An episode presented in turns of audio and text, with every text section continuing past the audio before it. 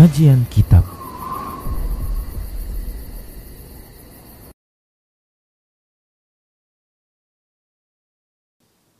Assalamualaikum warahmatullahi wabarakatuh.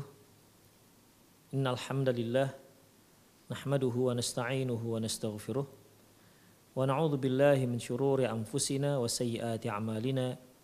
May yahdihillah fahuwal muhtad wa may yudlil falan tajida lahu waliyyan mursyida An la ilaha illallah wahdahu la syarika lah wa asyhadu anna Muhammadan abduhu wa rasuluh alladzi la nabiyya ba'dah وقال الله سبحانه وتعالى يا أيها الذين آمنوا اتقوا الله حق تقاته ولا تموتن إلا وأنتم مسلمون.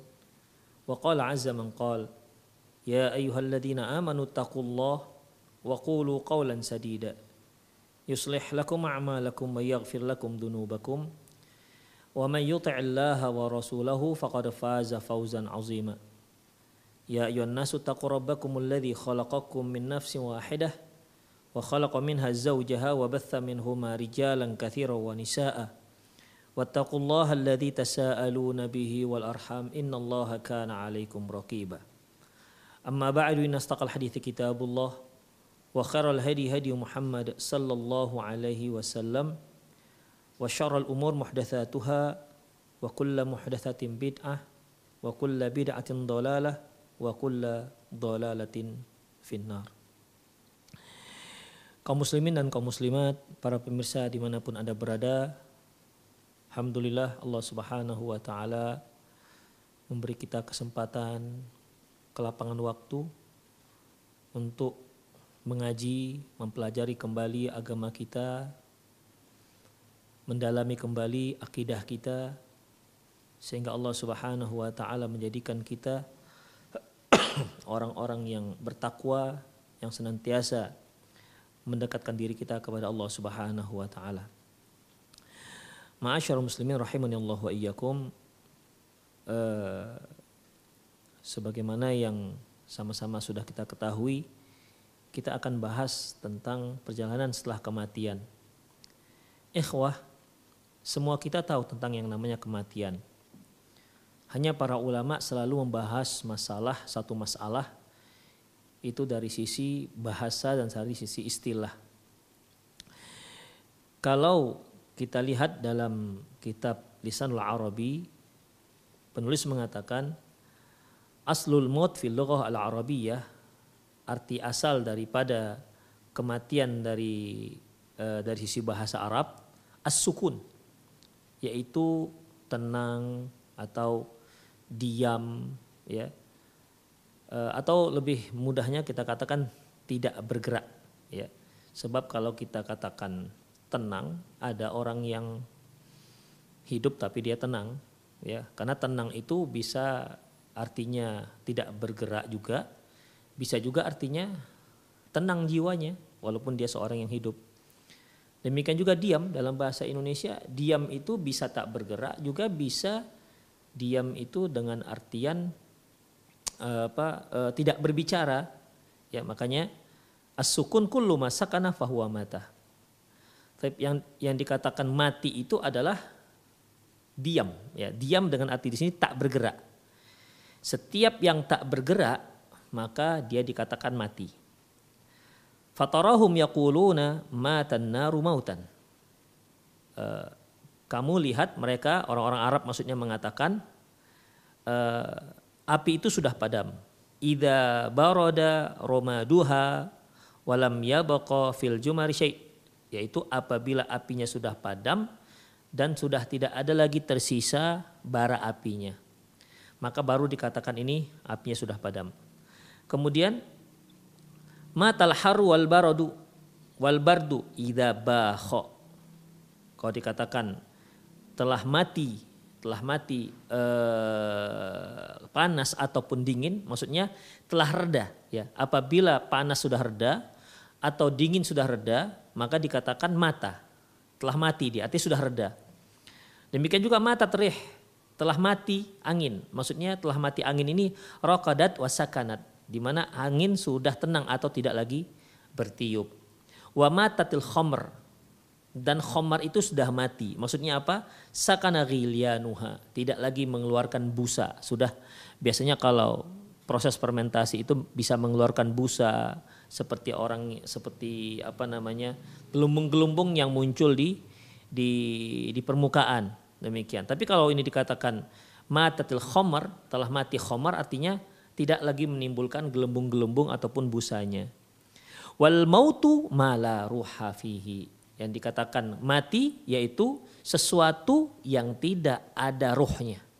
Sesuatu yang tidak ada tidak ada ruhnya. Demikian ikhwah rahimani Allah wa Itu terkait dengan masalah kematian atau mati dari sisi bahasa Arab. uh, wal mautu ya dikatakan maut in qata'a ta'alluqur ruh bil badan. Kalau sudah dikatakan kematian atau mati ya apabila sudah terpisah keterkaitan ruh dengan jasad seseorang. Wa mufaraqatuhu wa hululatuhu wa hululatu bainahuma. Ya, sudah terjadi perpisahan, sudah tidak menyatu lagi antara ruh dan dan dan jasad. Wa tabaddul hal wa intiqalu min darin ila dar. Sudah berubah kondisinya dan sudah pindah dari satu kampung ke kampung berikutnya atau berpindah dari satu alam ke alam berikutnya. Itulah definisi yang disebut dengan kematian. Kemudian ikhwah rahimanallah wa iyyakum. Kematian ini terbagi pada dua. Kematian terbagi pada dua. Wafatus kubro wa wafatus sugro. Ada yang dikatakan wafat kecil dan ada juga dikatakan wafat besar. Wafatus sugro wa wafatul kubro. Kematian kecil dan kematian besar atau wafat kecil dan wafat besar. Apa yang dimaksud dengan kematian kecil di sini ataupun wafat kecil dan apa juga yang dimaksud dengan wafat besar. Ikhwah, para pemirsa di mana pun anda berada, uh, an-naumu yushbihul maut. Bahwasanya kematian itu mirip uh, tidur itu mirip dengan kematian. Ya, tidur itu mirip dengan kematian. Oleh karena itu para ulama mengatakan tidur ini wafatus sugro. Tidur ini kematian kecil atau wafat kecil. Karena dia sangat persis walaupun tidak sama dari semua sisi, tapi ada ada persamaannya antara orang tidur dan orang yang sudah dicabut nyawanya oleh Allah Subhanahu wa taala. Dan orang yang bangkit dari tidur, ya orang yang bangkit dari tidur itu ibaratnya seperti orang yang baru bangkit dari kematian atau seperti orang yang baru dihidupkan kembali. Oleh karena itu Eh, ketika kita bangun tidur itu Rasulullah Shallallahu Alaihi Wasallam mengajarkan kita doa Alhamdulillahilladzi ahyana ba'dama amatana wa ilahi nusyur. Segala puji bagi Allah yang telah menghidupkan kami setelah mematikan kami. Artinya kan menghidupkan kami, artinya apa menghidupkan ini? Ya ketika dia bangun dia hidup kembali. Ba'dama amatana setelah mematikan kami, artinya ketika dia tidur. Ya. Jadi di sini Rasulullah Shallallahu Alaihi Wasallam menyatakan tidur itu mati dan bangun tidur itu adalah bangkit dari kematian atau dihidupkan kembali dari kematian. Uh, Alhamdulillahilladzi ahyana yang telah menghidupkan kita ba'dama amatana setelah mematikan kita. Demikian ikhwah. Makanya para ulama mengatakan tidur itu mirip dengan kematian. Bangun dari tidur itu mirip dengan dengan hari kebangkitan. Demikian.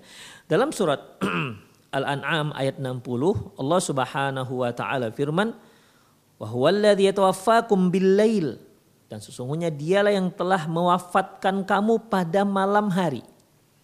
Sesungguhnya dia yang mewafatkan kamu pada malam hari. Wafat bagaimana maksudnya? Bukan wafat di sini maksudnya. Dialah yang telah menidurkan kamu pada malam hari. Dari mana kita tahu? Kita lihat berikutnya wa ya'lamu ma jarahtum bin nahar. Ya. Dan Allah juga mengetahui apa yang kamu lakukan pada siang hari. Jadi kalau diartikan wafat di sini huwallazi yatawaffakum bil laili. Dia yang telah mewafatkan kamu pada malam hari dan dia yang mengetahui apa yang kamu lakukan pada siang hari. Kalau kita artikan ini mati dengan artian dicabut roh, tak kembali lagi ke dunia, tentu uh, tidak ada lagi siangnya karena sudah terputuslah usianya. Demikian ikhwah. Jadi Para ulama mengartikan ini huwallazi bil-laili. Uh, perhatikan di sini Allah Subhanahu wa taala menggunakan kata wafat. Dia yang telah mewafatkan kamu pada malam hari wa ya'lamu ma jarahtum bin nahar. Dan dia mengetahui apa yang kamu lakukan ketika siang hari. Oleh karena itu, wafat di sini artinya adalah tidur. Ya, wafat di sini artinya tidur.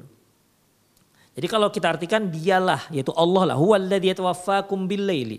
Sesungguhnya dialah Allah yang telah mentidurkan menidurkan kamu pada malam hari wa ya'lamu ma nahar dan Allah mengetahui apa yang kalian lakukan pada siang hari.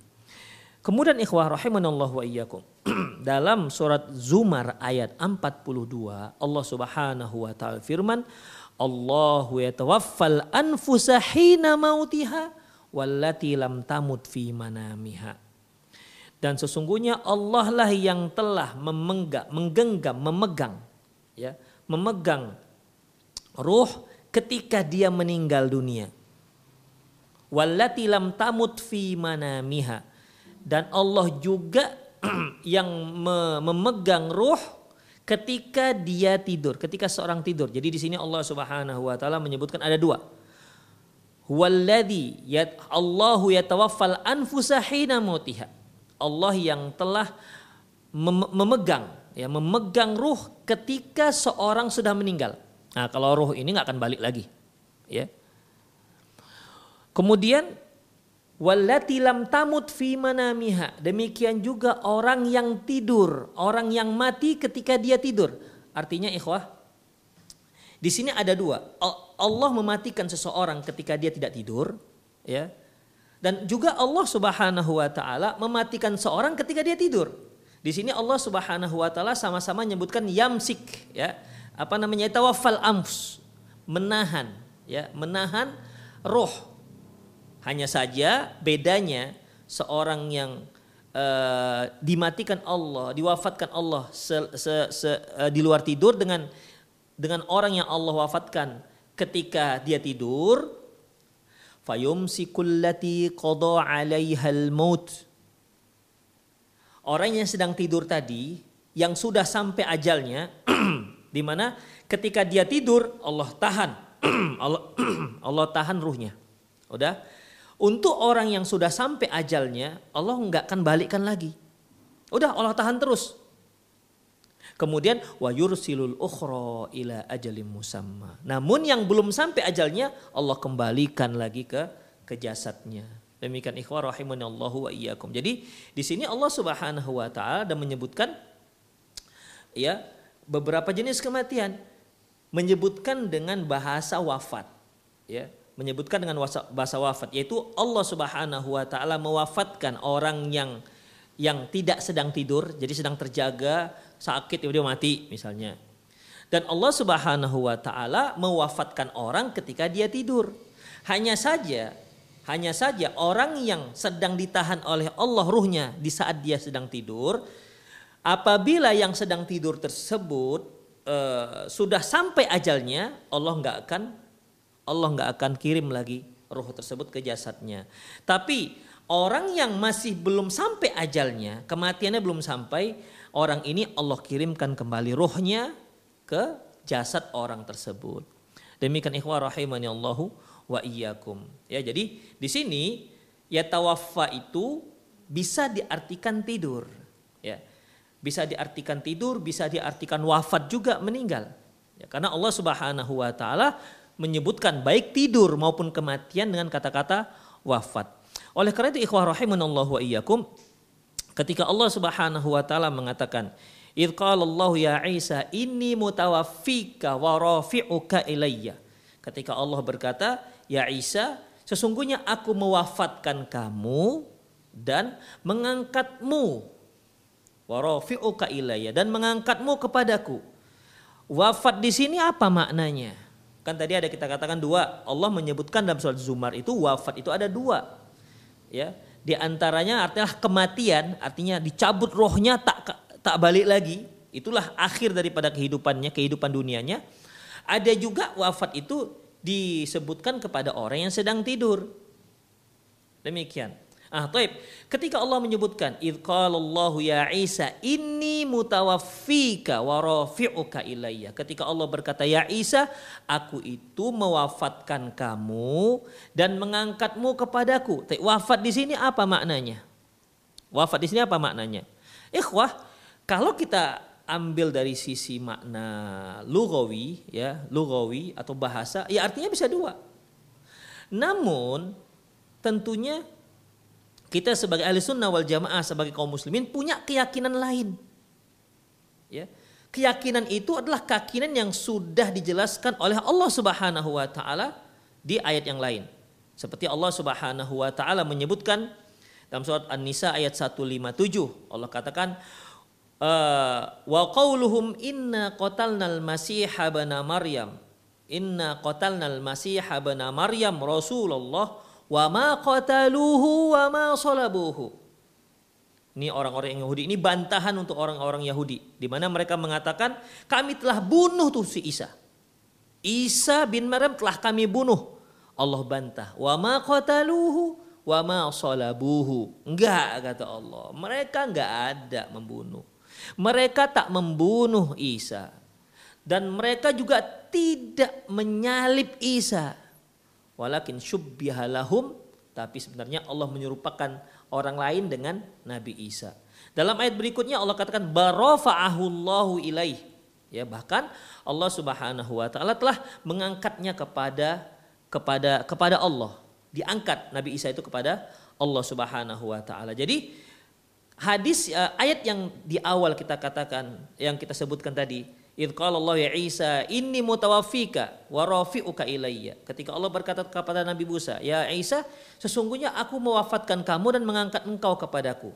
Udah. Kalau kita artikan di sini, ingat tadi kan ada wafat tuh ada dua tuh maknanya. Ada ada mati, ya, meninggal meninggal dunia, ada wafat tuh tidur. Demikian, itu di antara maknanya. Taib. Kalau kita artikan wafat berarti ayat Allah ini bagaimana yang membantah orang Yahudi? Allah mengatakan, mereka mengatakan, Inna qatalnal masih habana Maryam. Kami telah telah bunuh itu Maryam. Uh, kami telah bunuh itu si Al-Masih bin Maryam binti bin Maryam. Allah bantah enggak. Kalian tidak ada membunuhnya. Kalian juga tidak ada menyalipnya. Jadi enggak mati dia, kata Allah Subhanahu wa taala. Ya. Barafa'ahullah ilaih. Bahkan di Allah mengangkat dia.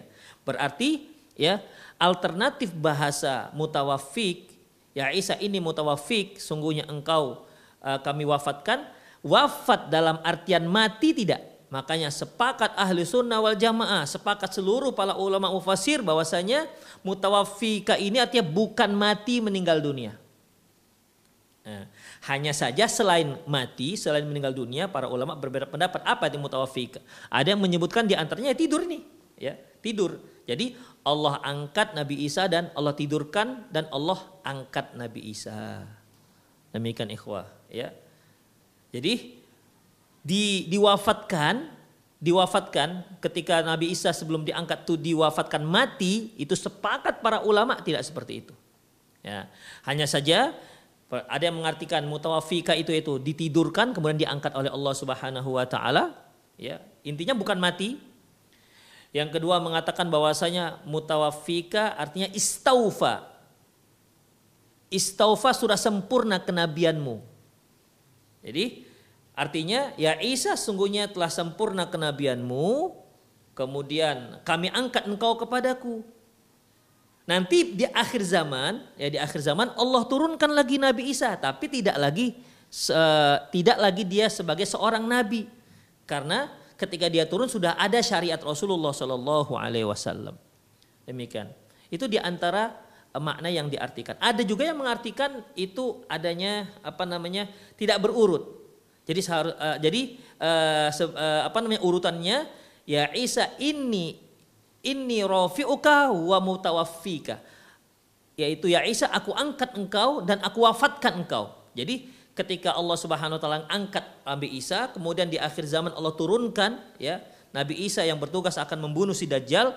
Setelah itu baru Nabi Isa meninggal dunia. Demikian ikhwan. Jadi namun intinya ya kalimat mutawafik wafat itu ada dua makna ya yaitu artinya yaitu kematian dan artinya yang kedua yaitu uh, tidur.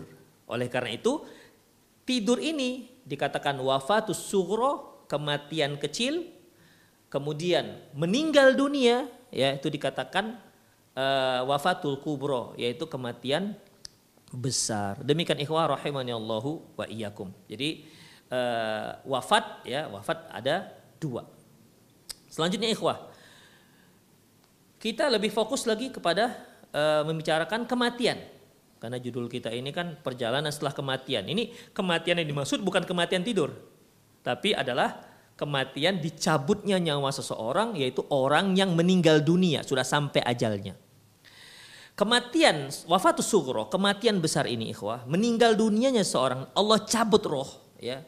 Karena ter, uh, terpisahnya terpisahnya antara roh dan badan atau disebut dengan kematian ya, itu pasti datang. Karena belum pernah ada sejarahnya orang yang tak meninggal. Belum pernah selama uh, apa namanya? alam terbentang semenjak Allah ciptakan manusia ya belum ada pernah ada orang yang tidak meninggal. Bahkan Nabi Khidir sekalipun ikhwah. Karena sekarang masih ada yang meyakini di kalangan kaum muslimin Nabi Khidir itu masih hidup. Itu ikhwah. Ini keyakinan yang salah ikhwah. Ya, keyakinan yang salah. Rasulullah Shallallahu Alaihi Wasallam pernah mengatakan bahwa dalam hadis yang diriwayatkan Imam Bukhari bahwasanya uh, yang lebih kurang maknanya begini. Tidak ada seorang pun yang hidup saat aku bicara ini. Ya, tidak ada orang yang hidup pada saat sekarang ini kecuali di 100 tahun yang akan datang mereka sudah meninggal. Jadi generasi ketika Rasulullah bicara itu, mereka mereka yang hidup pada saat Rasulullah bicara itu 100 tahun yang akan datang itu tidak ada satu orang pun yang hidup. Berarti kalau seandainya Nabi Khidir hidup pada saat itu, Nabi Khidir ini kan ceritanya di zaman Nabi Musa alaihissalam, ketika Nabi Musa ya uh, diperintahkan Allah untuk bertemu dengan dengan Nabi Khidir untuk mengajarkan beberapa hal. Itu kan baru sudah lama sekali. Dan masih ada kaum muslimin yang meyakini bahwasanya sampai sekarang Nabi Khidir itu masih masih hidup. Ya, masih hidup. Ada ada yang mereka uh, masuk di sebuah ruangan kecil, ruangan gelap, kemudian tiba-tiba cahaya terang benderang, kemudian dia saat itu dia bertemu dengan Nabi Khidir katanya, karena Nabi Khidir belum meninggal. Dan ini keliru. Ya. Kalaupun seandainya Khidir itu masih ada ketika Rasulullah SAW sudah wafat, ketahuilah 100 tahun kemudian itu sudah nggak ada. Jadi intinya ikhwah, tidak ada seorang pun di antara manusia yang hidup kekal pasti akan mati. Makanya Allah Subhanahu wa taala firman dalam surat Qasas ayat 88, kullu syai'in halikun illa wajah. Semuanya, semuanya halik, semuanya berakhir. Semuanya akan binasa illa wajah kecuali wajah Allah Subhanahu wa taala, kecuali Allah Subhanahu wa taala yang maha kekal. Kemudian Allah Subhanahu wa taala juga firman dalam surat Rahman ayat 26, "Kullu man 'alaiha fan." Kullu man 'alaiha fan. Semuanya pasti akan fan. Fanin itu ikhwah sesuatu yang binasa, fana. Makanya kan sering kita dengar dunia ini fana ikhwah. Fana itu apa artinya? Binasa, gak kekal. Kullu man 'alaiha fan. Semua itu tidak ada yang kekal. Fanin akan berakhir dan akan binasa. Kemudian ikhwah dalam surah Al-Imran ayat 185 Allah Subhanahu wa taala mengatakan kullu nafsin dha'iqatul maut. Ya, kullu nafsin dha'iqatul maut. Sesungguhnya uh, setiap jiwa setiap yang punya roh dha'iqatul maut pasti akan merasakan kematian. Pasti akan merasakan kematian. Tidak ada tidak ada satupun yang tidak merasakan kematian. Pokoknya setiap orang, setiap makhluk Allah yang punya ruh, yang punya nyawa pasti akan merasakan kematian dengan artian di suatu saat rohnya akan ditarik dari jasadnya. Suatu saat rohnya akan berpisah dari jasadnya. Kemudian Allah mengatakan wa inna mayutawaffawna wa inna mayutawaffawna ujurahum yaumal qiyamah dan sungguhnya akan dibalas uh, kalian akan mendapat balasan yang sempurna, yang sempurna. Nah, ini di sini ada juga kata-kata wafat, ikhwah. Yutawafauna. Ya, artinya sudah sempurna. Ini uh, mendukung uh, pendapat yang mengatakan bahwasanya ini mutawafika artinya sudah selesai, sudah sempurna kenabianmu. Jadi dia diangkat dalam keadaan bukan seorang nabi. Demikian. Jadi nanti ketika dia turun, ketika Nabi Isa turun itu tidak lagi seorang nabi. Itu dia. Ikhwah rahimanallah wa iyyakum. Taib. Intinya di sini adalah ayatnya kullu nafsin dha'iqatul maut, setiapnya yang bernyawa itu pasti akan merasakan kematian. Seandainya ikhwah, nih seandainya nih seandainya adalah manusia yang tak mati. Seandainya ada seorang manusia yang mulia yang tak mati-mati. Kalau menurut para pemirsa siapa yang paling layak diberikan hak prerogatif tak mati-mati? Tak mati. Hmm, benar. Dia adalah Sayyiduna. Sayyidu walidi Adam. Pemimpin kita, penghulu kita Sayyidul waladi Adam, pemimpin seluruh para para anak-anak Adam, Sayyidul Ambiya, seluruh para nabi, pemimpin seluruh para nabi. Dia adalah Muhammad bin Abdullah sallallahu alaihi wasallam. Dialah seorang harusnya lebih berhak. Ya. Kalau memang tak mati, dia lebih berhak ketimbang Nabi Khidir. Kalau memang adalah orang mulia itu tidak mati.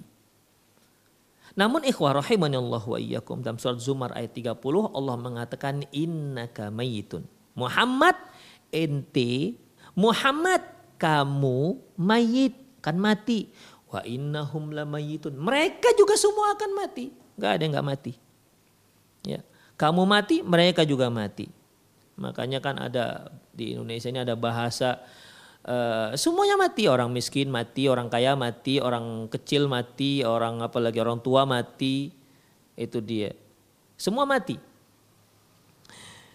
kemudian ikhwah Allah wa iyyakum ya Allah Subhanahu wa taala uh, dalam sebuah hadis yang diriwayatkan oleh Imam Bukhari dari Abdullah bin Abbas radhiyallahu anhu radhiyallahu anhuma anna nabiyya sallallahu kana yaqul bahwasanya Nabi Shallallahu Alaihi Wasallam pernah bersabda dengan ucapan dengan doa A'udzu bi'izzatika alladzi la ilaha illa antal ladzi la yamut wal jinnu wal insu yamutun. Aku berlindung dengan kebesaranmu wahai yang tidak ada ilah yang disembah kecuali hanya engkau. Sesungguhnya alladzi la yamut engkau tidak mati. Karena Allah Subhanahu wa taala hayyun qayyum. Hayyun itu maha hidup. Ya, maha hidup. Di mana huwal awal wa huwal akhir. Dialah yang pertama. Dialah yang pertama, tidak ada sebelumnya yang lain. Dialah yang pertama. Yaitu yang zat yang pertama yang tidak didahului oleh ketidakadaan. Dan dia yang terakhir, makanya huwal awwalu wal akhiru. Dan Allah tidak akan Allah itu qayyum. Senan, hayyun. Hayyun senantiasa hidup, maha hidup. Kebalikannya ya nggak mati-mati. Makanya di sini Rasulullah menyebutkan sifat Allah alladzi la yamut, sifat salviyah yaitu wahai Allah engkau yang tidak ada ilah yang berhak disembah kecuali hanya engkau alladzi la yamut yang tak mati-mati. Manusia mati wal jinnu wal jinnu wal ins yamut, adapun yamutun. Adapun manusia dan jin itu mereka semua meninggal dunia. Demikian ikhwah. Jadi eh, bahwasanya kematian itu pasti datang. Tidak ada seorang pun yang tidak mati dan itu semua diyakini ya. Diyakini oleh semua umat, pasti mati. Tidak ada seorang pun yang tidak mati.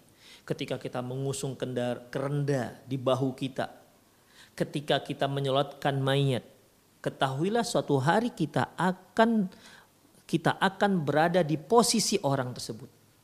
Kita akan berada di posisi orang yang dikerenda. Kita akan berada di posisi orang yang sedang disolatkan. Itu dia. Ya, tunggu saja saatnya.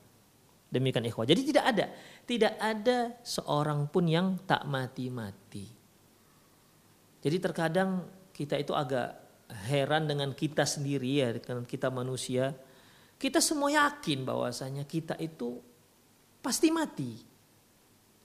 Dan kita juga yakin ini dunia ini akan fana. Dunia ini akan habis. Bahkan dunia yang kita cari-cari juga belum tentu dapat. Dunia yang habis-habisan kita cari, terkadang kalau bahasa Malaysia itu sampai bertengkus lumus, kaki jadi tangan, tangan jadi kaki, untuk mendapatkan dunia yang yang kita tidak tahu dapat apa tidak, yang belum pasti, kita sanggup mengeluarkan semua potensi kita ya untuk mendapatkan dunia tersebut. Kita sanggup bersabar Usaha yang satu gagal, pindah ke usaha berikutnya, gagal lagi, pindah usaha berikutnya, gagal lagi, pindah ke usaha berikutnya. Untuk mendapatkan dunia juga belum pasti. Tapi kita sering mengabaikan kematian yang kita yakin itu pasti. Yang kita yakini itu pasti. Terkadang, bukan terkadang sih, ya seringnya kita itu hanya mempersiapkan untuk hal-hal yang nggak pasti. Sementara yang pasti kita abaikan. Inilah fungsinya kita belajar, mengingatkan kembali ikhwah. Terkadang sesuatu yang kita sudah kita tahu, seperti kematian itu pasti datang, tapi kalau nggak diingat-ingat, lupa, lalai, makanya diingatkan lagi, diingatkan lagi, diingatkan lagi supaya kita paham kita mati. Persiapkan wahai kaum muslimin. Wahai umat manusia, persiapkan perjalananmu setelah kematian. Karena persiapan persiapanmu setelah kematian sekarang ketika kita di dunia. Ya sekarang ini ketika kita berada di di dunia. Kalau sudah kita nggak berada di dunia lagi, tidak ada lagi persiapan kematian. Ya sudah, sudah habis waktu untuk persiapan kematian. Oleh karena itu ikhwah rahimani Allah wa iyyakum ya eh, mari kita persiapkan persiapan kita untuk menjelang kematian dan untuk perjalanan kita yang jauh lebih panjang setelah kematian ketimbang perjalanan kita sebelum kematian. Itulah sebabnya Allah Subhanahu wa taala mengingatkan, mengingatkan kullu nafsin dha'iqatul maut, setiap orang itu pasti akan mati. Sampai Rasulullah pernah mengatakan uzkur uzkuru hadimul ladzat, hadimul ladzat. Kalian ingat-ingatlah sesuatu yang bisa menghilangkan semua kelezatan Ya, dunia ini lezat, khadirun kata Rasulullah, khadirun yaitu hijau suka uh, apa khadirun uh, hijau yang disukai oleh manusia, ya. Tapi bagaimanapun wamal hayatud dunya illa mata'ul ghurur, tidaklah kehidupan dunia itu hanya perhiasan yang menipu. Kalaupun dia dapat perhiasan, ini nggak ada sebanding, nggak ada tidak bisa dibandingkan sedikit pun dengan perhiasan yang nanti akan didapati di di akhirat. Demikian. Kalaupun dia dapati perhiasan dunia itu tidak akan kekal, itu fana sifatnya. Demikian para pemirsa rahimani Allahu wa iyyakum. Kemudian berikutnya kita harus ketahui bahwasanya lil mauti ajlun muhaddadun. Kematian itu pasti datang dan dia ada ajal. Ya. Ada ajalnya. Semua kita ini ada ada waktu kematiannya. Ya. Ada waktu kematiannya. Hanya saja masing-masing kita beda jadwalnya. Ada yang jadwalnya mungkin setelah usia 60. Ada yang jadwalnya masih baru lahir, masuk dua hari sudah meninggal. Ada yang jadwalnya belum menikah, masih jomblo sudah meninggal. Ada yang jadwalnya beda-beda ikhwah. Ya, beda-beda. Dan itu pasti ada. Ya, jadwal itu ada. Jadwal kematian kita itu pasti pasti ada. Hanya saja permasalahannya bagi kita adalah ya eh, kita nggak tahu kapan jadwal kita. Ya, kita tidak mengetahui kapan jadwal kematian kita itu uh, datang. Namun yang pasti kita harus meyakini kita punya ajal. Eh wah ajal ini sebenarnya sudah jadi bahasa Indonesia ya ajal sudah jadi bahasa Indonesia dan biasanya kita mengartikan kalau sudah aduh sudah sampai ajalnya itu artinya sudah sampai kematiannya. Ajal itu sebenarnya artinya itu dari bahasa Arab artinya adalah sudah sampai waktu akhirnya ya. Sudah sampai waktu akhirnya. Ya kalau kita kalau kita kaitkan dengan kehidupan kita kalau kita kaitkan dengan hidup kehidupan kita maka sudah sampai ajalnya ya sudah sampai kematiannya nggak hidup lagi. Itulah akhir daripada usianya itulah akhir daripada kehidupannya. Kalau hutang Udah sampai ajalnya. Artinya apa? Itulah saat pelunasannya. Ya. Demikian. Kalau hutang sudah sampai ajalnya, berarti sudah sampai waktu pelunasan. Ya ayyuhalladzina amanu idza tadayantum bidainin bidain ila ajalin musamma. Ya. Waktu wahai orang-orang yang berhutang apabila wahai orang beriman apabila kalian berhutang yang akan dibayar uh, pada waktu yang ditangguhkan ila ajalin musamma waktu yang ditangguhkan kalau sudah dikatakan sudah sampai ajal hutangmu artinya apa? Kamu sudah harus membayarnya melunasinya supaya tak berhutang lagi. Demikian ikhwah rahimanallahu wa iyyakum. Allah Subhanahu wa taala firman dalam soal Imran ayat 145 wa ma kana li nafsin antamuta illa biidnillahi kitaban muajjala. Tidak ada satu jiwa pun yang mati kecuali setelah mendapat izin dari Allah Subhanahu wa taala kitaban muajjala waktu yang sudah ditentukan. Ya, waktu yang sudah ditentukan. Masing-masing kita, saya, Anda, para pemirsa, anak kita, istri kita, semua semua yang bernyawa mereka pasti akan mendapatkan ajalnya. Ya, pasti akan mendapatkan ajalnya. Ada yang mungkin ada yang mungkin ajalnya itu eh, apa namanya? Ada yang mungkin ajalnya itu ya apa namanya? Eh, di eh, cepat ya ada yang ajalnya itu lambat. Demikian ikhwah, azani Allah wa iyyakum. Namun ya, namun ajal itu sudah ketetapan Allah Subhanahu wa taala dan Allah sudah tuliskan. Oleh karena itu Rasulullah Shallallahu alaihi wasallam pernah bersabda uh, dalam sebuah hadis sahih Inna ahadakum yujma'u khalqu fi batni ummihi fi batni ummihi sungguhnya ciptaan kalian ada di rahim ibu kalian fi batni ummihi uh, sesungguhnya ciptaan kalian ada dalam rahim ibu kalian yaitu arba'ina yawman nutfatan yaitu selama 40 hari dia berupa sperma.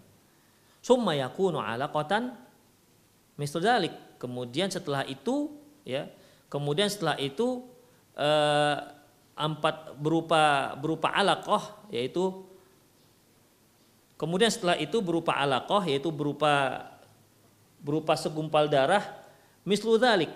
Ya, se, sebegitu juga artinya sebegitu juga 40 hari juga.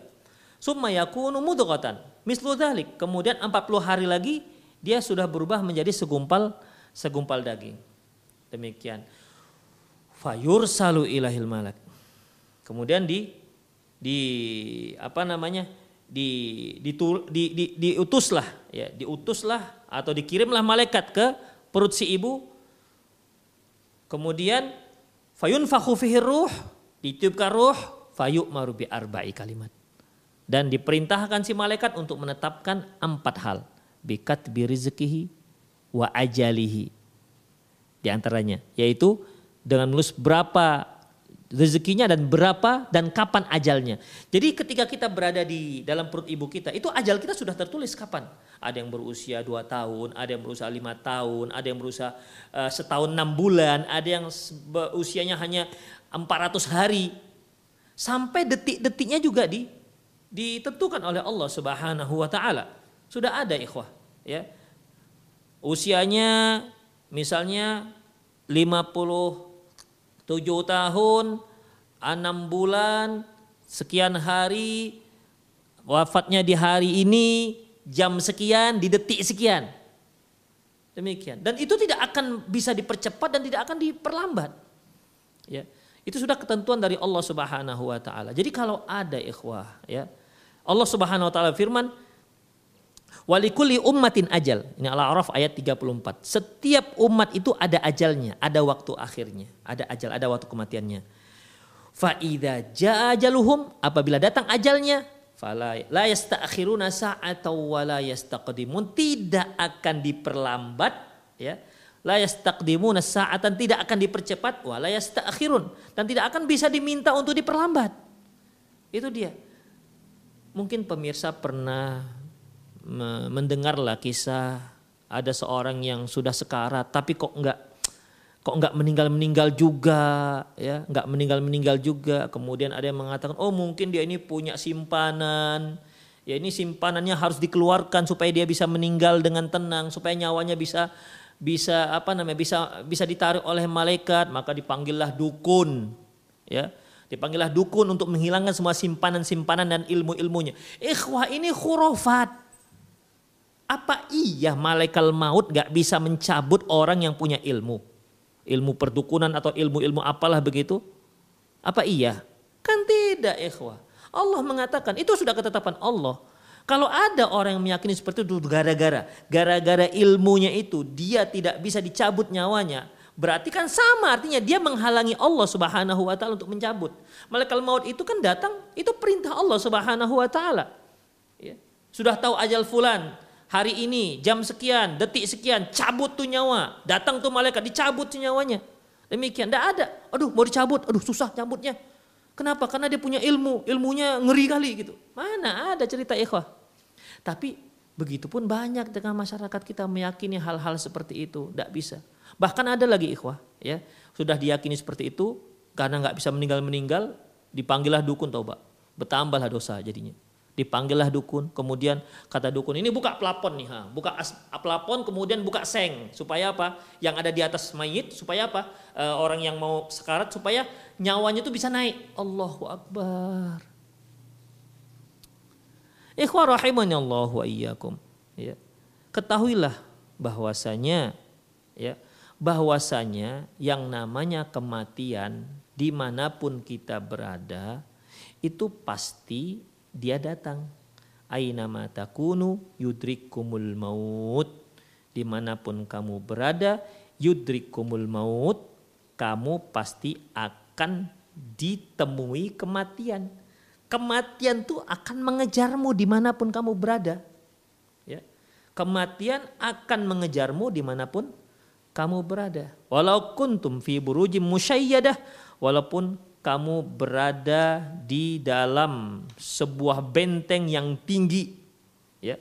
Walaupun kamu berada di dalam sebuah benteng yang tinggi menjulang dan kokoh.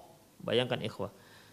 Jadi kalau kamu berada di benteng yang tinggi kokoh ikhwah kalau sudah benteng namanya tinggi aja nggak kokoh hancur. Kemudian kalau benteng kokoh saja nggak tinggi mudah dijangkau oleh musuh. Ini sudah tinggi buruj tinggi musyayyadah dan kokoh. Itu saja mati akan datang, menjemput. Yudrikumul maut, kamu akan didapati oleh kematian. Apalagi rumah biasa, kemudian pelapon disuruh buka, gara-gara gara-gara sengnya belum dibuka, maka nggak mati-mati dia.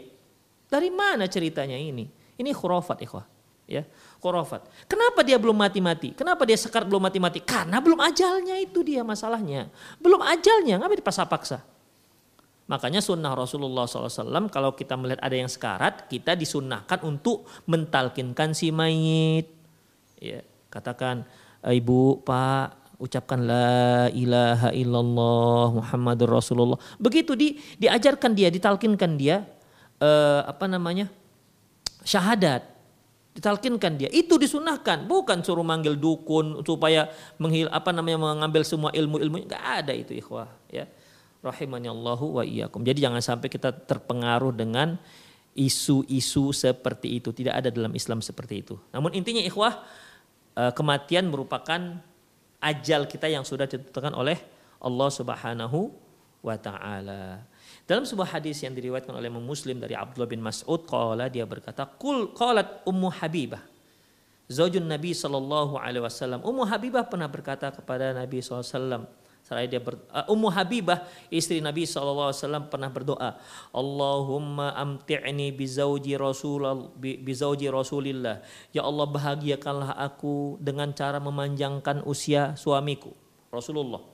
Kemudian wabi Abi Sofyan, wabi Abi Abi Sofyan dan juga bahagiakan aku dengan memanjangkan umur ayahku yaitu Abu Sofyan, wabi akhi Muawiyah dan juga bahagiakan aku dengan dipanjangkan usia saudaraku yaitu Muawiyah. Jadi intinya Ummu Habibah radhiyallahu anha isi Rasulullah SAW mohon kepada Allah agar usia suaminya yaitu Rasulullah, usia ayahnya dan usia saudaranya Abu uh, Muawiyah bin Abi Sofyan itu dipanjangkan supaya kebahagiaannya uh, tetap langgeng Itulah isi doa Ummu Habibah radhiyallahu anha. Namun apa kata Rasulullah sallallahu alaihi wasallam? Faqala Nabi sallallahu alaihi wasallam, "Laqad sa'altillaha li ajalin madrubah."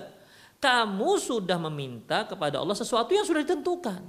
Gak bisa digoyang-goyang lagi. Ya. Tidak bisa diubah-ubah. Ya Ummah Habibah, kamu telah meminta kepada Allah sesuatu yang gak bisa digeser, gak bisa dirubah lagi. Itu sudah madrubah, sudah tetap. Makanya kan tadi di ayat tadi yang sebelumnya kita baca yang telah kita bacakan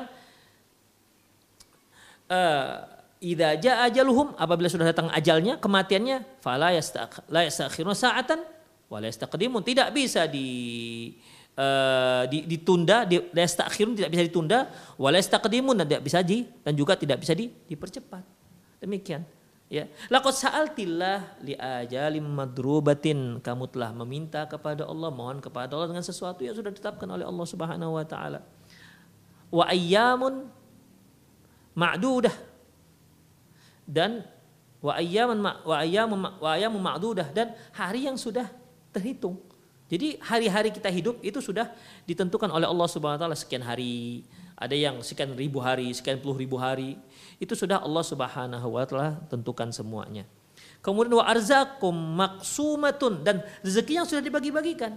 Ya, kita saya sudah ada rezekinya tentukan oleh Allah, antum juga para pemirsa juga. Itu semua sudah ada rezekinya, sudah dibagi-bagikan oleh Allah Subhanahu wa taala.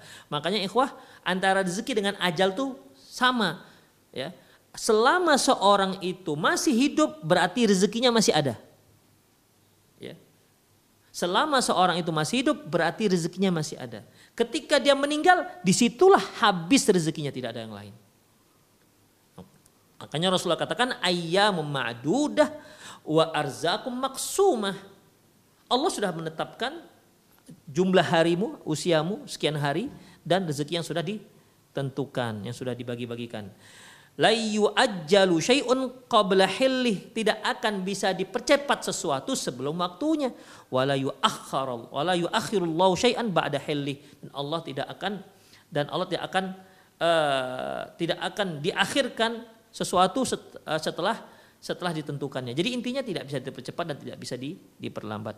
Walau kunti sa'altillaha ayyu'idhaki min adzabin nari au adzabin fil qabri kana khairan wa afdol. Seandainya engkau wahai Ummu Habibah mohon kepada Allah agar engkau dibebaskan, diselamatkan dari adab neraka dan adab kubur itu doa yang lebih baik ketimbang doa minta panjang umur. Makanya ikhwah rahimanallahu wa iyyakum jangan minta panjang umur. Rasulullah melarang Ummu Habibah minta panjang umur. Mintalah keberkahan umur usia kita sudah ditentukan oleh Allah Subhanahu wa taala, tak bisa dipercepat dan juga tidak bisa di, di tidak bisa dipercepat, tidak bisa ditambah. Sudah memang segitu ikhwah para pemirsa sekalian. Jadi jangan minta doa panjang umur. Mintalah keberkahan umur. Untuk apa kita panjang umur 90 tahun tapi isinya penuh dengan kemaksiatan. Penuh dengan dosa. Untuk apa gunanya? Demikian. Tapi kalau dia 90 tahun, 100 tahun tapi diisi dengan ketaatan, Masya Allah, ya kesolehan, Allahu Akbar, itu lebih bagus.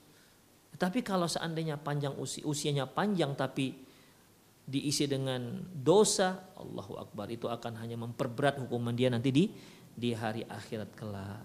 Demikian ikhwah, azan ya Allahu wa iyyakum. Kemudian terakhir yaitu bahwa kematian itu sebagaimana yang kita katakan tadi yaitu waktul maut majuhulun lana. Kapan kita mati itu tidak diketahui. Kita nggak tahu, ya. Dalam sebuah hadis yang diriwayatkan oleh Imam Bukhari dari Abdullah bin Umar, qala qala Rasulullah sallallahu alaihi wasallam Rasulullah sallallahu alaihi wasallam bersabda, "Mafatihul ghaib khamsun." Kunci gaib ya kunci ilmu gaib itu ada lima.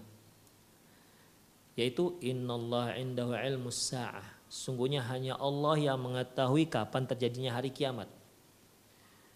Wa yunazzilul ghaith dan uh, wa yunazzilul ghaith dan kunci dari uh, dan menurunkan uh, hujan.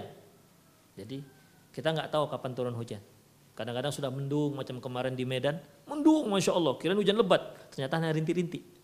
Setelah itu terang. Wa ya'lamu ma fil arham dan mengetahui yang ada hanya Allah yang mengetahui dalam yang apa dalam rahim. Tapi Ustaz kita sudah tahu kok sekarang seorang wanita hamil sudah usia enam bulan sudah tahu tuh uh, jenis kelamin si anak laki-laki perempuan dengan cara memakai USG. Ikhwah, ketika dia ketika terjadi proses fertilisasi fertilisasi antara spermatozoa dengan ovum, kemudian terjadilah pembuahan, membelahlah sel demi sel, lantas muncullah zigot. Zigot ini nanti yang akan nempel di dinding rahim. Ada nggak yang tahu itu nanti bakal hidup apa tidak? Ada nggak yang tahu bahwasanya ini zigot ini, cabang bayi ini, ya bakal bayi ini, bahwasanya dia nanti jadi jadi laki-laki atau jadi perempuan? Ada nggak yang tahu bahwasanya apakah dia nanti akan lahir dengan selamat, apakah malah gugur? Nggak ada yang tahu. Makanya wa ya'lamu ma fil arham hanya Allah lah yang mengetahuinya. Adapun kalau dia sudah terbentuk, sudah nampak jenis kelaminnya, kemudian diintip oleh Pak Dokter gitu kan diintip. Ya tahu loh orang sudah ada, sudah jelas. Tinggal pakai alatnya aja, alat intipnya gitu. Demikian ikhwah rahimanallah wa iyyakum. Ya.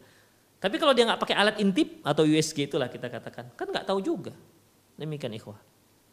Kemudian wa ma tadri Eh, wa matadri nafsum madza taksibu qada wa matadri nafsum bi ardin tamut. Tidak ada yang tahu apa yang akan dilakukan besok dan tidak akan ada yang tahu di mana kita akan meninggal. Demikian.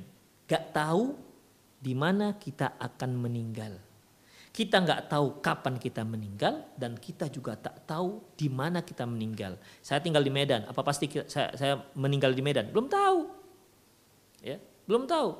Anda yang tinggal di mana? Di Papua Nugini sana misalnya, di di di di, di lereng Gunung Jaya Bijaya, pasti dia meninggal di situ. Belum tahu, gak ada yang bisa memastikan. Dan gak tahu juga gimana meninggalnya. Seperti Khalid bin Walid radhiyallahu anhu, dia ingin agar wafatnya itu terbunuh di medan tempur. Makanya sangat getol sekali, perang jihad-jihad, kepinginnya tewas di medan pertempuran, tapi akhirnya gimana? Ternyata tewasnya di, uh, bukan tewas, meninggalnya di di atas tempat tidur. Demikian. Sementara luka-luka bacok, luka sabet, sayatan pedang, tombak sudah di sekujur badannya sudah ada bekas-bekasnya. Demikian Allah yang menentukan, ya, bukan kita. Ya, Allah yang menentukan. Berapa banyak orang yang mungkin dia tinggal di Madinah, kerja di Madinah, cita-citanya tinggal meninggal di Madinah. Eh ternyata ya dia datang ke Indonesia, eh di Indonesia meninggalnya. Itu ya. Ya, jadi ikhwah rahimanallahu iyyakum kapan kita meninggal, tempat kita meninggal, bagaimana kita meninggal juga kita nggak mengetahuinya. Makanya dalam sebuah hadis yang disoalkan oleh Syekh Muhammad Nasr Al-Albani ya diriwayatkan oleh Imam Bukhari dalam kitab Adul Mufrad uh, dari jamaah uh, sejumlah para sahabat kalau Rasulullah SAW Rasulullah Shallallahu Alaihi Wasallam bersabda, "Ida aradallahu qabda abdin bi ardin ja'ala lahu fiha hajah." apabila Allah ingin ingin mematikan, mencabut nyawa seorang hamba di satu tempat, maka Allah jadikan orang tersebut ada keperluan di tempat tersebut. Demikian. Kita nih di Medan misalnya. Misalnya nih, Allah tentukan misalnya kamu meninggalnya di mana nih misalnya? Di Jog di Yogyakarta misalnya. Ya, atau meninggalnya di mana misal di di di Sulawesi misalnya. Saya nggak ada hubungan apa-apa dengan Sulawesi. Tidak ada sanak kerabat, tidak ada family, tidak ada sama sekali. Dan nggak ada kebutuhan saya juga di Sulawesi sana. Tapi kalau Allah Subhanahu wa taala sudah tentukan saya di sana, maka Allah akan takdirkan saya punya kebutuhan di sana. Tiba-tiba ada kebutuhan, tiba-tiba apalah di sana, meninggallah di sana. Demikian. Jadi kalau Allah Subhanahu wa taala sudah tentukan uh, menentukan seorang tuh meninggalnya di tempat fulan, walau sejauh mana pun dia, Allah jadikan dia ada kebutuhan di tempat tersebut dan dia akan dicabut nyawanya di tempat tersebut. Demikian ikhwah rahimani Allahu wa iyyakum. Jadi untuk untuk pagi hari ini, pagi menjelang siang ini kita telah bahas terkait dengan definisi kematian, kemudian kematian itu ada dua, wafat itu ada dua, wafatul kubro dan wafatul sugro. Wafatul kubro itu yaitu kematian dicabut nyawa, adapun wafatus sugro itu tidur ya. Yang dua-duanya itu Allah tahan. Allah cabut nyawanya. Hanya kalau yang tidur yang belum sampai ajalnya Allah kirimkan kembali e, nyawanya ke ke jasadnya. Kemudian kematian itu pasti datang. Ya, kematian pasti datang. Gak akan ada orang yang tidak ada orang yang tidak tidak mati. Kemudian kematian itu e, ada ada waktunya, ya, ada waktunya. Hanya kita tak mengetahui kapan terjadi. Kita juga nggak mengetahui di mana kematian itu akan menjemput kita. Demikian para pemirsa di mana pun anda berada, semoga apa yang kita bahas bermanfaat. Aku lu qauli hadza wa astaghfirullah li wa lakum muslimin innahu wal rahim. Oke, okay, jazakumullah khairan. Ikhwah rahimanallah wa iyyakum. Uh, pertama yaitu terkait dengan ziarah. Ya, terkait dengan ziarah. Rasulullah sallallahu alaihi wasallam bersabda, "Kuntu nahaitukum an ziyaratil kubur ala fazuruha." Dahulu saya pernah melarang kalian untuk ziarah kubur ala fazuruha. Maka ziarahilah dia. Ya. Maka ziarahilah dia, datangilah dia. Artinya ikhwah rahimanallah wa iyyakum. Artinya ketika uh, kita diperintahkan oleh Rasulullah Shallallahu Alaihi Wasallam ziarah kubur, itu kapan saja silakan. Karena ziarah kubur itu tidak terkait dengan berapanya. Tidak terkait dengan waktunya. Rasulullah Shallallahu Alaihi Wasallam pernah berziarah di siang hari. Rasulullah SAW juga pernah berziarah di malam hari. Sebagaimana yang pernah kejadian hadis Rasulullah yang Rasulullah itu pelan-pelan keluar dari selimut. Kemudian pelan-pelan ambil sendal. Kemudian ternyata beliau pergi ziarah ke Baki. Demikian. Demikian juga harinya. Harinya juga terserah. Mau hari apa saja. Mau Ramadan, nggak Ramadan, sama saja. Ya. Demikian juga baik laki-laki maupun yang wanita termasuk dalam perintah ya. Termasuk dalam perintah. Hanya saja ikhwah rahimanallah wa iyyakum ada pengecualian kaum wanita. Rasulullah Shallallahu alaihi wasallam bersabda la'anallah az-zawwarat. Allah melaknat wanita-wanita penziarah. Di sini para ulama berbeda pendapat tentang makna zawarat. Ada yang menyebutkan yaitu tidak boleh ziarah kaum wanita tak boleh ziarah mutlak. Ya. Pendapat kedua mengatakan bahwasanya boleh tetapi tidak boleh sering-sering. Karena zawarat itu artinya wanita yang sering-sering berziarah. Ya. Yaitu wanita yang sering-sering berziarah. Tapi kalau dia tak sering-sering berziarah, maka boleh. Kalimat zawarat yaitu sirah mubalaghah yang sering, terlalu sering untuk berziarah. Dan ini juga pernah diamalkan oleh Aisyah radhiyallahu anha ibunda kita di mana dia ketemu oleh dengan seseorang ditanya dari mana wahai ibunda dia katakan dia baru ziarahi kuburan saudaranya. Demikian. Itu artinya bahwasanya kaum wanita itu juga boleh ziarah, namun tidak seperti laki-laki. Laki-laki sering-sering boleh silakan. Adapun perempuan tak boleh sering-sering. Kemudian ikhwah, azani Allah wa iyyakum terkait dengan apakah penduduk penduduk eh, apa namanya? penduduk kuburan itu bahagia dengan datangnya kita. Jelas bahagia. Kenapa? Karena kita datang itu untuk mendoakan dia. Ya. Kita masuk kuburan, kemudian kita baca doanya assalamualaikum, uh, assalamualaikum kaum mukminin dan seterusnya ya segala apa namanya salam atas kalian. Intinya kita doa masuk kuburan itu adalah doa untuk si penghuni kuburan. Demikian. Dan itu sampai ikhwah. Ya, dan itu sampai. Sampai kita juga mengakui kepada mereka wa inna insyaallah bikum dan kami juga akan menyusul. Ini semua ikhwah. Ini tentunya ada manfaat untuk si si orang yang ziarahi. Ya. Untuk yang ziarahi bukan hanya bukan hanya untuk person yang mau kita ziarah, tapi untuk semua penghuni kuburan. Dan untuk kita juga ada manfaatnya.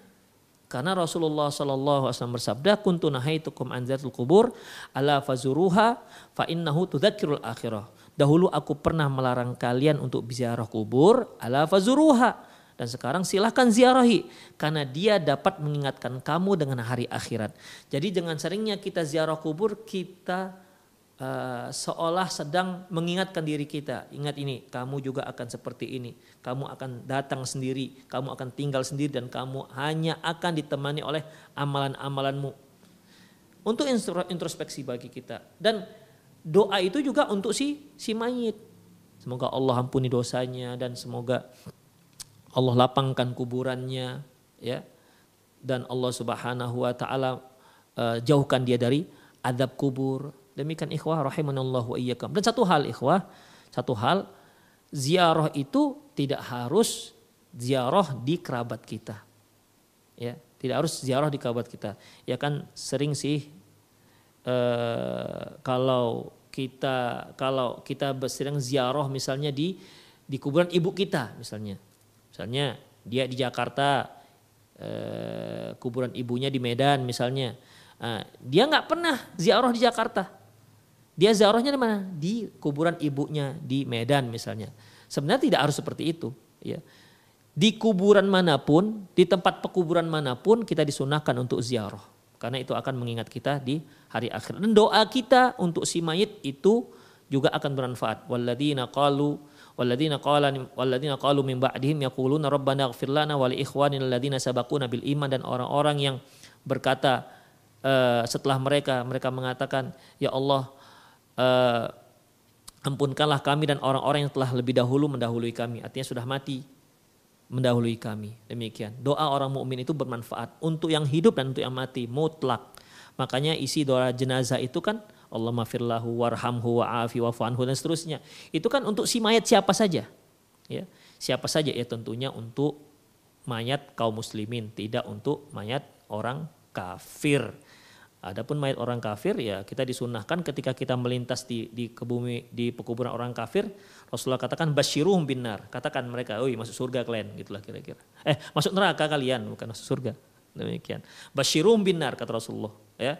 Masuk neraka kalian. Demikian. Itu untuk kuburan uh, tempat pekuburan orang-orang kafir. Ataupun orang muslim kita doakan. Demikian. Dan itu jelas bermanfaat. Setiap doa kita kepada orang yang sudah meninggal siapa pun dia ya apalagi kepada kedua orang tua kita. Insya Allah akan sampai Allah alam bisawab. Nah. Waalaikumsalam warahmatullahi Masya Allah jazakumullah khairan bagi ibu. Taib. Rasulullah Shallallahu Alaihi Wasallam mengatakan barang siapa barang siapa yang menyolatkan mayit man alal mayit falahu qiratun barang siapa yang menyolatkan mayat maka dia dapat satu kirot dan barang siapa yang menyolatkan mayit kemudian mengikuti mayit sampai dikebumikan maka dia dapat dua kirot. Ya, dua kirot. Para sahabat bertanya tentang apa itu pahala satu kirot. Kata beliau, kirot itu adalah sebesar gunung Uhud. Kirot itu sebesar gunung Uhud. Jadi kalau satu kirot dia dapat pahala sebesar gunung Uhud. Dua kirot berarti dua gunung Uhud. Jadi uh, hadis ini itu untuk kaum muslimin dan kaum muslimat. Ya, untuk kaum muslimin dan itu juga untuk kaum muslimat. Artinya kalau dia solatkan seorang wanita menyolatkan maka dia mendapatkan uh, apa namanya uh, dia dapat satu kirot. Kalau dia ikut sampai di, kebumi, di, di kuburan maka dia dapat dua kirot.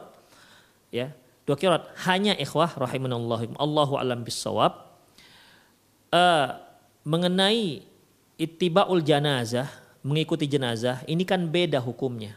Ya, beda hukumnya antara laki-laki dengan perempuan. Sebagaimana yang dikatakan oleh Ummu Atiyah radhiyallahu anha, uh, nuhina an anitiba'il janais walam ya'zim alaina. Rasul, Rasulullah melarang kami, kami dilarang untuk mengikuti jenazah, tapi beliau tidak apa namanya? tidak tidak kuat melarangnya. Jadi si wanita ini Eh, para ulama mengambil kesimpulan bahwasanya wanita itu boleh mengikuti jenazah, boleh, tapi hukumnya tidak sama seperti hukum kaum laki-laki ya. Tapi hukumnya tidak sama seperti hukum kaum laki-laki. Laki-laki itu mengikuti jenazah itu hukumnya sunnah ya.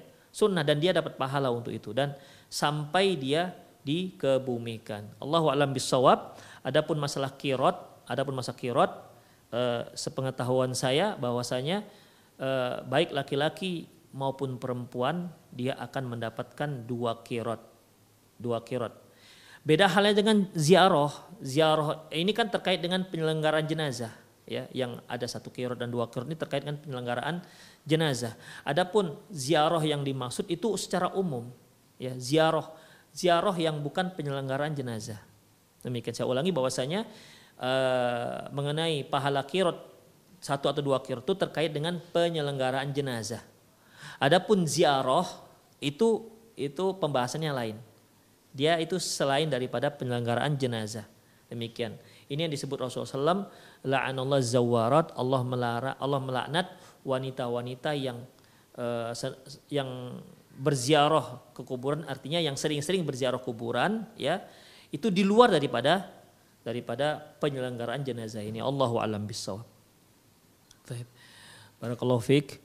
Apakah uh, ketika seorang manusia dikebumikan semua benda yang nempel di tubuhnya yang bukan dari tubuhnya itu harus dilepas. Ikhwah azinallahu iyyakum. Allahu alam bisawab. Benda yang menempel dengan tubuh kita itu ada benda yang mudah dilepas. Dan ada juga yang sulit untuk dilepas. Ya. Ada yang mudah dilepas dan ada yang sulit dilepas. Kemudian ada benda itu yang yang berharga untuk orang yang hidup dan ada benda yang tak berharga bagi orang yang hidup. Baik. Apabila benda tersebut berharga, ya, benda tersebut berharga dan itu benda di mana kalau mau kita lepas dia tidak sampai merusak jasad si mayit. Maka ya maka dilepas. Seperti misalnya ada gigi palsu. Gigi palsu itu gigi palsu emas misalnya. Misalnya seorang nenek atau kakek, orang kaya raya, dia buat gigi, gigi gerahamnya ada dua atas, empat atas, empat bawah. Ya, ini semua dibuatnya dari emas misalnya. Ya, terbuat dari emas. Bayangkan gigi geraham segini ini berapa gram ini paling nggak ada 5 gram kan. 5 gram atau 6 gram kalikan kalikan atas bawah kalikan 8 5 gram kali 8 sudah berapa? 40 gram. 40 gram itu kalau kita kalikan dengan harga emas sekarang 960 ribu, bayangkan berapa itu. Ya, 40 gram kali 965 ribu, itu kalau emas antam. Demikian. Eh, yang seperti ini wah ini cabut. Jadi kan ahli waris untuk ahli warisnya. Jadi lebih bermanfaat ini untuk ahli warisnya ketimbang si mayat. Ngapain dia bawa-bawa ke dalam kuburannya kan? Demikian, dibagi-bagikan. Taib. Ada benda itu yang dia tak berharga dan mudah dilepas. Ya lepas saja. Seperti gigi palsu kan ada yang main tempel tuh, ada yang main tempel, maka dilepas. Ada gigi palsu itu kan ada yang dibor tuh, gusinya dibor permanen loh ikhwah. Dibor kemudian di, di ada bautnya lagi, ada murnya lagi. Yang seperti ini tidak usah dilepas. Karena kita kesulitan. Ya, akan mengeluarkan biaya lagi kita harus panggil lagi tukang gigi, tolong Pak dilepas tuh gigi gerahamnya. Kan akan memperlambat penyelenggarannya lagi. Demikian ikhwah. Jadi Allahu alam bisawab apabila ya, apabila uh, ada benda yang berharga yang menempel di tubuh si mayit dan kalau diambil dia tidak merusak, tidak merusak jasa si mayit maka ambil. Tapi kalau dia merusak misalnya dia pernah mengalami patah tangan. Ternyata patah tangannya itu di, disambung dengan dengan dengan apa namanya? dengan plat ataupun lempengan dari emas misalnya. Biasa kan orang platina ya, plati, platinium biasanya. Ini enggak, mungkin karena kayak berat dia apa enggak? Saya enggak mau itu, saya mau pakai emas. Wah, begitu. Emas 24 karat misalnya ini. Maka ya kan enggak enggak harus dibedah kemudian diambil emasnya. Udah biarkan saja. Karena apa? Karena walaupun dia berharga, tapi karena akan merusak jasad si mayit maka tidak di, dibolehkan. Ya. Kemudian ada benda yang juga ada benda yang tak berharga. Ya kalau seandainya mencabutnya harus dengan susah payah akan merusak apalagi sampai merusak jasad si mayit maka nggak dibolehkan. Tapi kalau mudah misalnya gigi gigi palsu tinggal copot ataupun ada kawatnya agak ditempelkan bisa mudah dicopot silahkan copot. Demikian. Ya, jadi intinya ikhwah rahimanallahu iyyakum sebagaimana sabda Rasulullah SAW yang artinya mematahkan tulang mayit itu sama hukumnya seperti mematahkan tulang di saat dia masih hidup.